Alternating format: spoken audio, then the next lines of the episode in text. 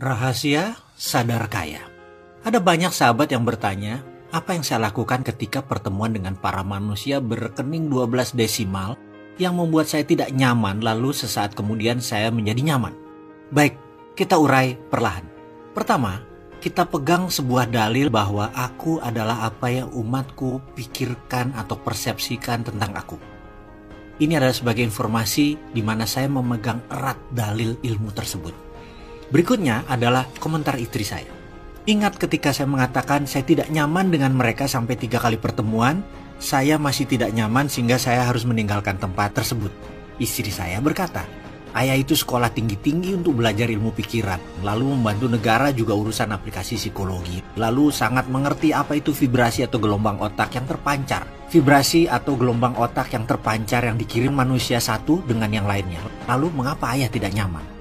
Karena ayah rekeningnya belum 12 desimal.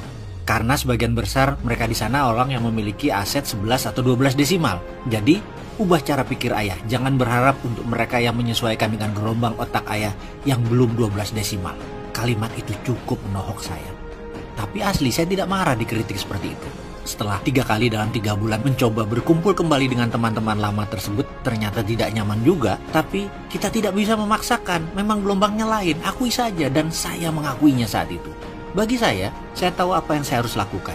Bagaimana membuat apa pun terjadi selama kita percaya. Caranya saya tahu. Betulkan gelombang otak saya sendiri saya adalah orang yang mempercayai bahwa manusia adalah co-creator to God alias khalifah di bumi yang memiliki kemampuan mencipta kedua setelah Allah. Yang saya lakukan pertama adalah menanamkan prosperity conscious, kesadaran kaya. Bagaimana cara menanamnya? Cara sederhana adalah pikiran umat manusia itu netral. Kita yang memberi value terhadap setiap tindakan yang dipercaya oleh pikiran. Hukum alam itu harus kita kenal dengan baik kita akan memberi value yang paling benar adalah sesuai dengan sifat naluriah manusia. Begini maksudnya. Orang yang bisa memberi itu hanya orang kaya. Kaya materi, kaya ilmu, kaya cinta kasih, dan lain sebagainya. Maka kita ajari pikiran kita dengan mulai memberi. Karena dengan memberi, otak kita mulai dipasang prosperity conscious atau kesadaran kaya. Memberi yang kecil-kecil, setiap ketemu fakir miskin di mana pun siapkan uang seribu rupiah. Berikan kepada mereka tanpa berpikir. Berikan saja. Bahkan kalau hati nyaman ingin ngasih lebih lima ribu, sepuluh ribu rupiah, hajar. Ingat pelajaran kecil dulu. Mungkin saya saja, tapi saya yakin ada ribuan anak seperti saya. Ketika hendak ke masjid menunaikan sholat, kapan pun terutama sholat Jumat, maka eyang saya, mbah-mbah saya, ibu saya selalu menitipkan atau menyelipkan uang selawi atau 25 rupiah di tangan saya dengan berkata ini masukkan ke kotak amal.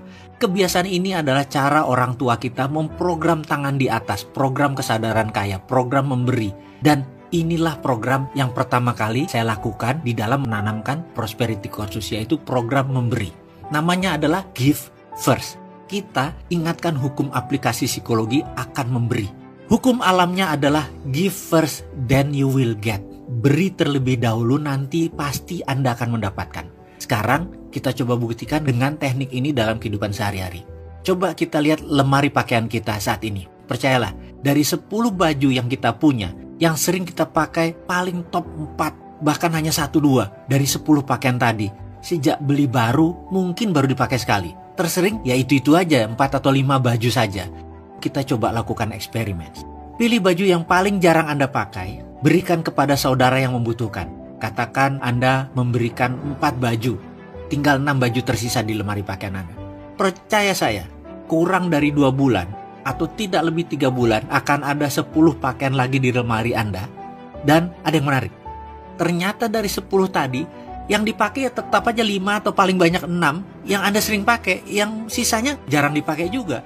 Jadi intinya adalah semesta tidak menyukai kekosongan.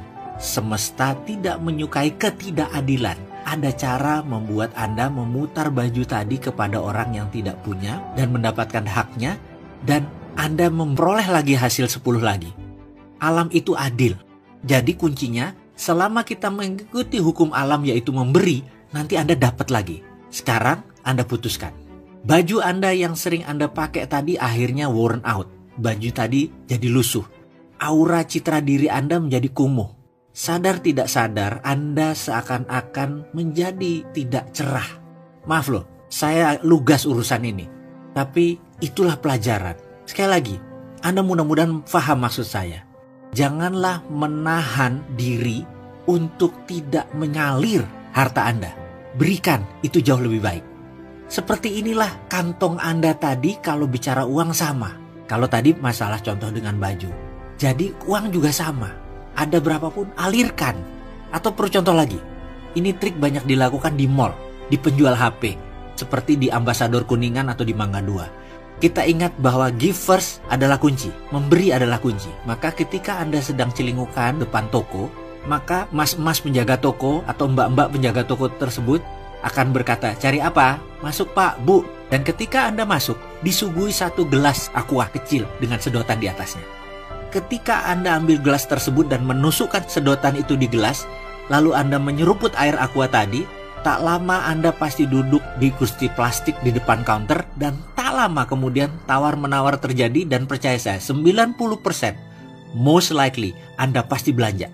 Anda kena giversnya mereka. Anda minum pemberian mereka tadi. Itulah hukum alam.